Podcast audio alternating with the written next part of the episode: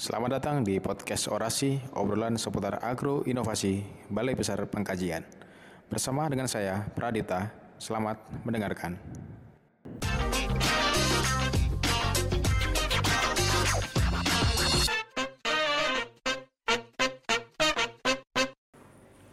Baik, Sobat Inovasi di mana pun Anda berada, kopi merupakan komoditi unggulan pertanian di Indonesia di sektor perkebunan.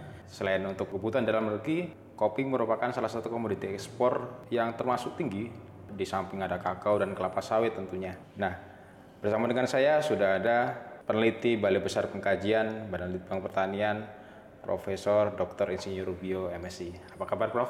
Alhamdulillah sehat, Mas. Prof, kita tahu kalau kopi animnya sekarang sangat luar biasa. Secara tren kebutuhan lima tahun terakhir aja naik. Nah, bagaimana kondisi perkebunan kopi di Indonesia, khususnya nih produksinya sehingga nanti dapat memenuhi kebutuhan baik dari dalam negeri maupun di luar negeri. Ya, baik. Terima kasih. Sebelum cerita kopi, barangkali kita cerita apa informasi sejarahnya bagaimana sih tentang kopi. Asik nih ya.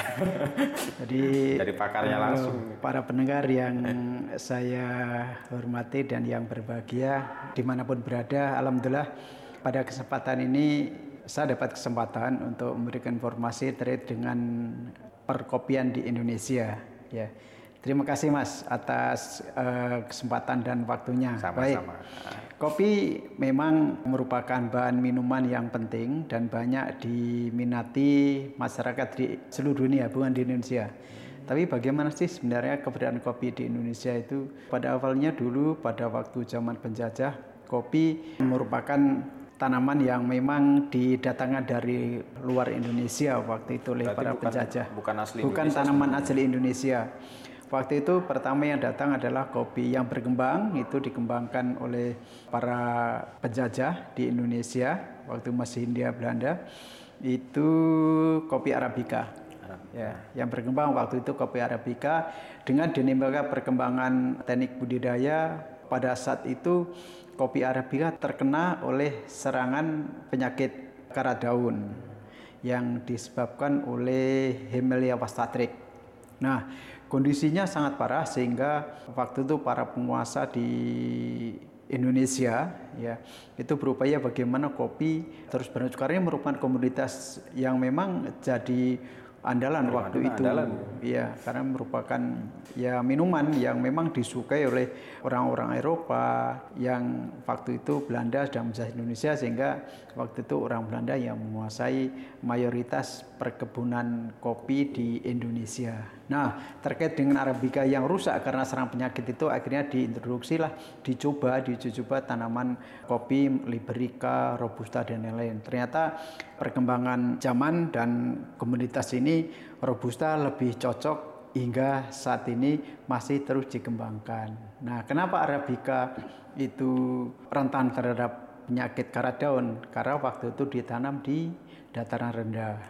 Itu di daerah Jawa. Nah, karat daunnya akan menginfeksi atau menyerang pada tanaman kopi apabila kelembapan tinggi yang dicapai pada malam hari. Nah, pada dataran rendah tercapai yang optimal kelembapan itu pada malam hari sehingga disarankan waktu itu dijujubakan kopi arabica ditanam di dataran tinggi. Nah, Alhamdulillah eh, sampai sekarang mereka atau tan kopi arabica ini terserang tapi tidak begitu parah. Artinya masih bisa dikembangkan, dibudidayakan yang teknik budidayanya itu tentu menguntungkan karena ini terus dikembangkan oleh masyarakat pekebun Iya. maupun para petani.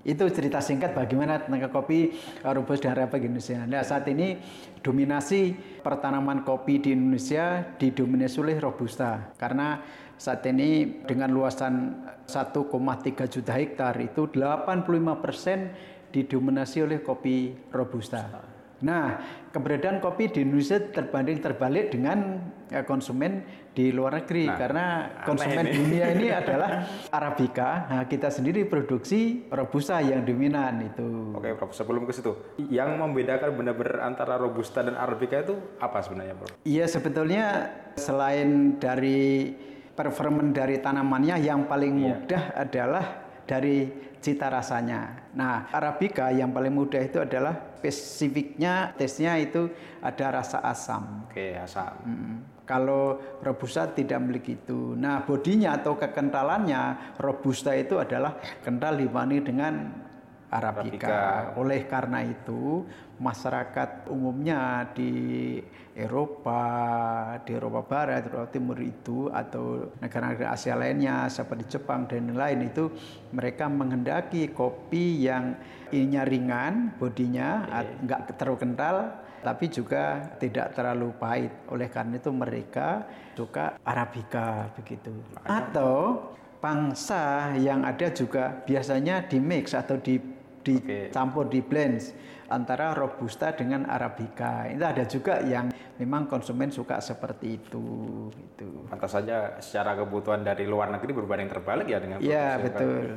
Mungkin ada kecenderungan sama dengan orang luar yang tidak kuat pahit sehingga memilih kopi arabica yang lebih dominan di sana. Gitu. Ya jadi gini mas, kopi itu adalah kenikmatan. Nah itu. Nah, jadi makanya Kopi adalah adalah termasuk kelompok tanaman penyegar atau beverage crop. Sehingga orang menikmati itu relatif. Artinya kalau saya suka arabica, mungkin Mas tidak suka arabica karena ada kecut. Tapi ya. orang eh, yang lainnya suka robusta dan seterusnya atau suka di antara ini makanya ada yang dicampur atau di blend itu. Yang paling hebat Mas, kopi kita tuh ya termasuk empat besar di dunia lah produksinya. Produksinya ya. Jadi kalau di perkebunan kopi itu kita mengenal tiga fungsi atau apa ya istilahnya tridharma perkebunan. Yang pertama adalah sebagai sumber devisa negara. Pasti. Sebagai sumber pendapatan masyarakat, masyarakat. petani pekebun atau pengusaha yang mengusahakan berusaha tani kopi. Ya. Yang kedua, fungsi selain sebagai tempat lapangan kerja, ya ini jelas karena kopi dari mulai persiapan di pembibitan, di perbenian sampai persiapan lahan, kemudian pemeliharaan, panen, pengolahan itu tidak lepas dari tenaga, tenaga kerja. Manusia, ya. Nah, itulah yang kedua, fungsi daripada kopi ini adalah sebagai tempat lapangan kerja. Yang terakhir adalah yang ketiga, ini Tridharma kopi ini adalah sebagai fungsi untuk konservasi tanah dan air. Artinya fungsi hidrologis kopi itu sangat-sangat bagus. Nggak bisa bayangkan kalau di daerah pegunungan yang dataran tinggi itu diusahakan begitu saja misalkan eh, tanaman sayuran atau apa yang setiap saat itu harus land clearing harus mengolah tanahnya itu bagaimana tingkat erosinya atau erosi aliran permukaan atau istilahnya dengan dengan run off-nya itu luar biasa. Nah, dengan kopi itu masyarakat bisa mempertahankan aspek konservasi tanah dan airnya, kemudian sebelum tanam itu menghasilkan kopi di antaranya juga bisa diusahakan oleh komoditas lainnya seperti tanaman sayur atau tanaman pangan dan sebagainya. Ditumpang sarikan gitu Prof ya berarti? Iya, bisa ditumpang sarikan sebelum tanaman itu menghasilkan atau ada konsep model integrasi ternak dengan tanaman juga kopi salah satu komunitas punya perspek yang bagus. Kemudian selain tadi saya katakan kopi selain dikenal luas di mancanegara kopi kita ini karena kita punya kopi spesialty mas. Jadi kopi nggak ada di negara lain. Nggak ada di negara lain. Seperti kopi kalosi. Kita punya kopi kalosi yang orang-orang Jepang sangat mengidolakan itu Kemudian ada kopi yang lainnya seperti kopi lintong, kopi hmm, kintamani, ya kan, uh, kopi gayo dan sebagainya.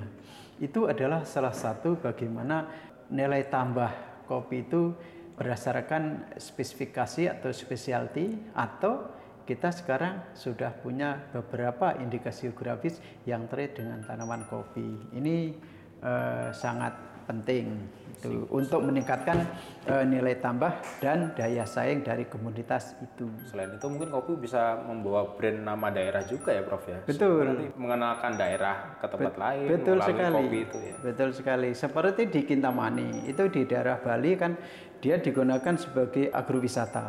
Okay. Sehingga para petani bukan hanya mendapatkan pendapatan dari kopinya, tapi dengan kunjungan wisata sehingga secara kemasyarakatan itu kalau di situ dikunjungi wisata berarti ekonomi bergerak, tumbuh Masyarakat berkembang. sekitar pasti juga terlibat. Ya, jadi bukan hanya petani kopinya, tapi efeknya adalah efek dominonya itu sangat bagus seperti itu. Ya, Lalu bagaimana Prof? Tadi oke lah secara nasional kita produksi lebih banyak robusta. Nah, bagaimana kita menyikapi dengan produksi yang banyak ini untuk tetap bisa bersaing dengan kebutuhan dari luar negeri yang lebih banyak membutuhkan arabica, Prof. ya. Jadi upaya kita ada dua macam. Yang pertama adalah untuk mengimbangi konsumen luar negeri kita dengan melakukan konversi dari tanaman robusta yang cocok untuk arabica. Misalkan tanaman robusta ditanam pada ketinggian di atas 800 Iya. itu kan masih banyak.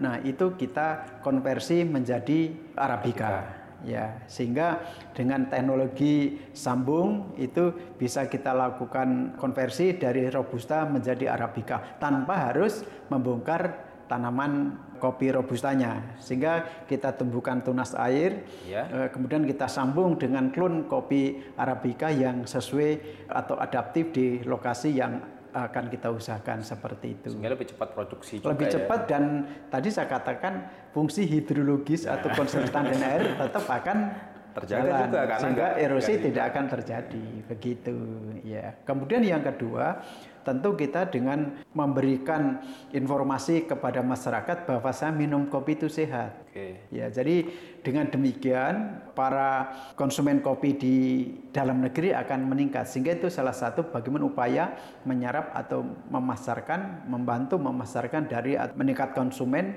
kopi robusta di dalam negeri. Kampanye berarti Prof ya. Ya, artinya semacam mendiseminasikanlah informasi bahwasannya kopi itu tidak apa yang disampaikan orang katanya, "Wow, kalau sakit emah minum kopi menjadi sakit atau jantung." Ya, tidak. Menurut saya selama nggak berlebihan juga nggak masalah. Ya. Apa pun kalaupun kayak yang baik-baik, kalaupun berlebihan pasti juga nanti Betul. nggak akan baik juga, Prof. Hmm, oleh karena itu kan kopi kan juga banyak eh, kandungan antioksidannya, Iya. itu sangat penting kan untuk tubuh kita gitu. Jadi bisa sobat inovasi di daerah-daerah yang secara ketinggian memenuhi syarat tumbuh arabica bisa kita pakai arabica. Nggak perlu kita robustanya kita cabut, kita lengkering lagi tapi bisa kita sambung menggunakan kopi arabica. Gitu Prof ya. Betul, betul, iya, iya. Nah, selain itu dari segi produksi Prof, kira-kira apa sih yang mempengaruhi produksi sehingga produksi dalam negeri itu bisa bisa terus terpacu mengikuti tren kebutuhan yang semakin naik, Prof? Ya, jadi salah satu aspek produksi faktor penentunya adalah varietas yang ditanam dan sesuai eh, pada agroekosistem yang diinginkan. Ya, baik kopi robusta maupun kopi arabica. Ya, contoh untuk kopi arabica yang kita rekomendasikan varietas itu adalah satu andong sari satu atau andong sari dua. Itu produktivitasnya, ya potensi produksinya 1,9 ton green bean. Green bean itu biji beras, Mas. Iya. Per hektar per tahun. Kemudian USDA 762 itu produksinya bisa mencapai 1,2 ton. Nah, kemudian S795 itu jenis kopi atau varietas salah satu varietas kopi arabica itu juga produksinya bisa 1,2 ton.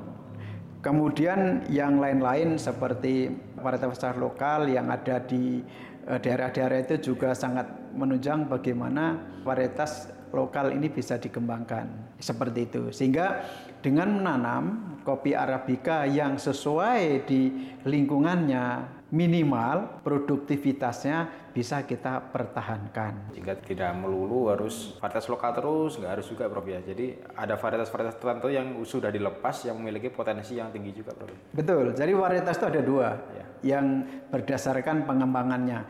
Varietas unggul nasional, Oke. varietas unggul Lokal. spesifik lokasi Oh, atau lokal. iya, ya. Jadi dua-duanya adalah harus dilepas oleh Menteri Pertanian karena merupakan salah satu varietas gitu. Kemudian yang robusta, Mas, yang robusta ini karena begini. Tadi saya ulang mohon maaf, arabica ini adalah jenis kopi yang menyerbuk sendiri. Iya. Sehingga kalau ditanam dengan biji pun dia tidak akan mengalami perubahan yang secara fenotipik berbeda dengan induk tuanya. Begitu. Ya, sehingga kalau ditanam dengan biji bijinya merah dari induknya, nanti keturunannya yang dari biji itu ditanam dia juga akan merah, tidak akan menjadi kuning dan sebagainya. Pasti. Termasuk cita rasa, cita aromanya juga akan dipertahankan karena dia adalah menyerbuk sendiri, ya kan, bukan menyerbuk silang. Nah, berbeda dengan kopi robusta. Kopi robusta itu adalah varietas kopi yang menyerbuk silang sehingga di dalam pertanamannya pun juga tidak bisa menggunakan hanya satu klon. Okay. Harus poliklonal. Itu tata tanamnya. Nah, kan yang dimasalahkan adalah bagaimana kita mempertahankan tingkat produktivitas kan itu. itu dan kualitas hasilnya. ya. Tadi saya katakan kopi itu adalah dinikmati sebagai penyegar, diminum, ya kan. Oleh karena itu penting bagaimana menghasilkan kopi yang mempunyai kualitas yang bagus sesuai dengan selera konsumen. Ya. Cita aromanya juga biar bagus itu. Nah, ini saya informasikan menanam tanam kopi juga tidak sembarang klon ditanam. Jadi nggak sebebas gitu ya? Tidak, tidak, tidak asal kita punya benih kita tanam tidak. Jadi disarankan pada tipe iklim A sampai B itu yang ketinggiannya robusta ini di atas 400 meter di atas permukaan laut itu klonnya adalah harus poliklonal ini. BP42, BP234, BP358 atau SA237.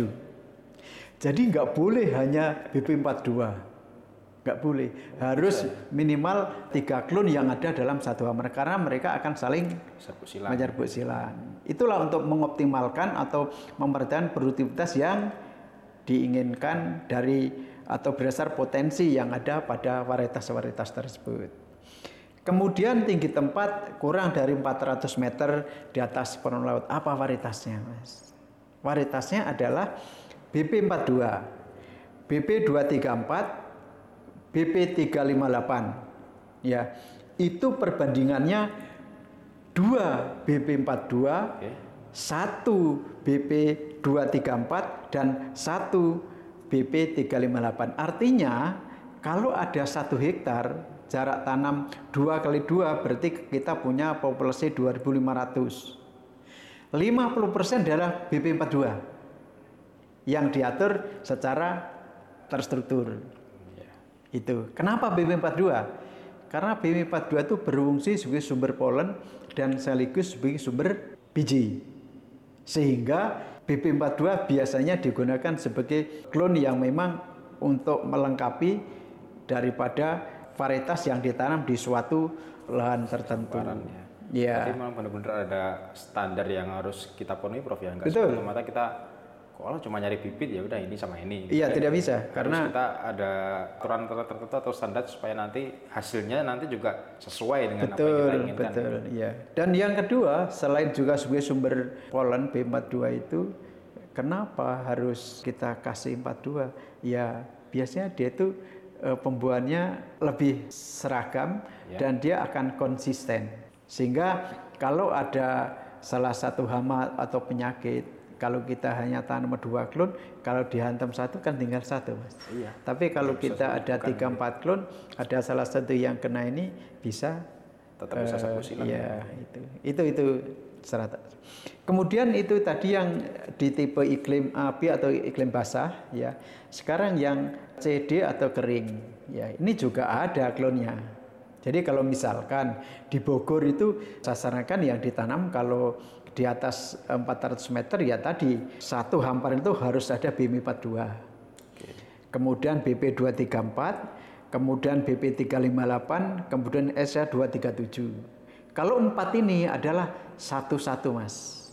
Harus. Jadi kalau ada seribu ya berarti masing-masing 250, 250, 250, 250. Itu.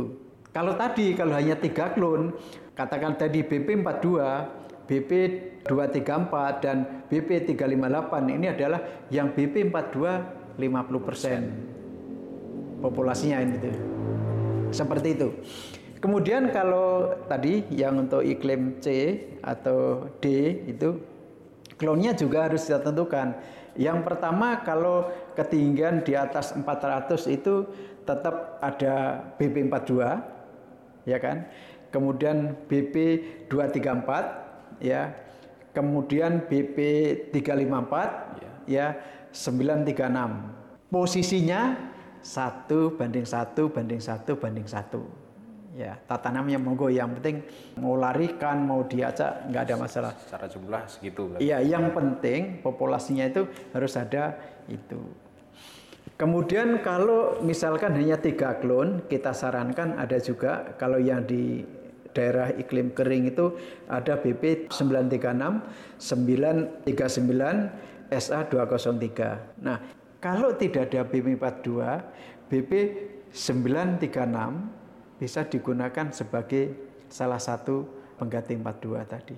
Kalau klonnya tiga yaitu BP 936, BP 939, BP eh, SA 203 itu perbandingannya 2 banding 1 banding 1. Ini ya mungkin banyak orang yang nggak tahu ya Prof. Iya, karena ini salah satu bagaimana potensi produksi peningkatan produktivitas seperti itu. Tadi kan ditanyakan seperti bagaimana ya. meningkatan produktivitas. Benar-benar informasinya sangat bermanfaat sekali ya seperti ini. Mungkin jarang juga orang yang tahu. Akhirnya nanti produksinya juga nggak akan maksimal juga.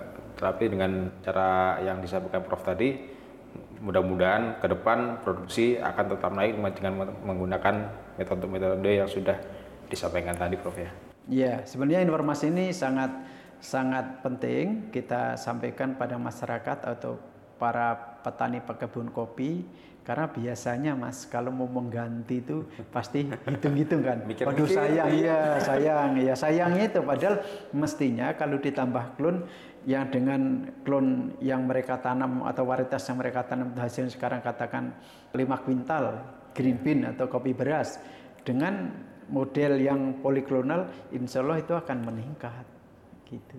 Sehingga mau tidak mau ya poliklonal kalau untuk menanam kopi robusta itu ya mutlak diperlukan itu. Jadi kalau robusta tidak bisa hanya tanam satu varietas enggak bisa, harus, harus poliklonal begitu. Ya. Terakhir Prof, eh, harapan Prof atau saran terhadap sobat inovasi terutama yang ada keterkaitannya dengan produksi kopi di Indonesia apa Prof?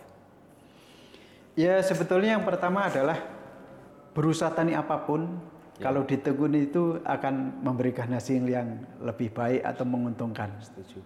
Itu. Yang kedua, kalau itu kopi untuk varietas itu sangat penting. Di mana mau ditanam. Ya. Kemudian varietas yang ditetapkan di lokasi yang adaptif atau cocok di lokasi itu itu juga harus menjadi bahan pertimbangan. Kemudian teknik budidaya juga tidak kalah penting. Artinya umumnya petani kan persiapan lahan itu kan begini mas. Jadi kopi itu sebenarnya kan bukan tanaman asli Indonesia. Yeah. Ya. Sama dengan petani kakao dia ya dari hujan hutan tropis sana di lemah Amazon. Jadi dia itu di Indonesia karena iklimnya uh, tidak sama dengan daerah aslinya itu sebetulnya perlu tanaman penaung dulu, perlu tanaman penaung pelindung ya. Nah, umumnya petani di kita itu pokoknya punya kebun dihambur saja, ditanam. Nah, itu salah satu sehingga pertumbuhannya, produktivitasnya ya kurang maksimal itu. Karena kan produksi itu kan juga terkait erat dengan bagaimana pembentukan pertumbuhan awal primordial awalnya itu kan sangat penting. Pembentukan tanaman, kemudian cabang produksi, kemudian kekuatan akar itu sangat penting. Sehingga kalau dikondisikan dari awal teknik budidaya mulai tanam pun itu harus mengikuti kaidah teknologi budidayanya. Seperti itu sebenarnya. Luar biasa memang. Memang sungguh informasinya sangat menarik sekali sobat inovasi di mana pun anda berada. Profesor Rubio sudah menyempatkan berbagai informasi mungkin gitu Prof. Terima kasih. materi yang akan mendatang. Ya, Insya Allah kita kita senang sekali. Artinya ini salah satu bagaimana para pendengar Ya mudah-mudahan apa yang saya sampaikan ada manfaatnya. Dan saya mohon maaf barangkali apa yang selintas kita dengarkan barangkali untuk kopi ini kadangkala banyak cucu yang tidak pas. Artinya minum kopi terkait dengan kembung. ya.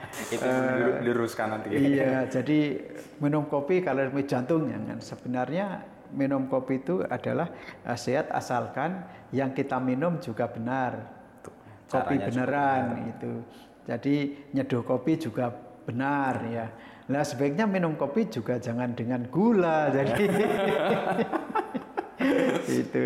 Tapi intinya terima kasih Mas. Jadi mudah-mudahan ini ada manfaatnya dan mohon maaf para pendengar yang setia di sini kalau ada yang kurang berkenan, insya Allah nanti kita sambung kembali dan saya siap untuk menyampaikan informasi terkait dengan uh, tanaman perkebunan khususnya kopi dan kakao.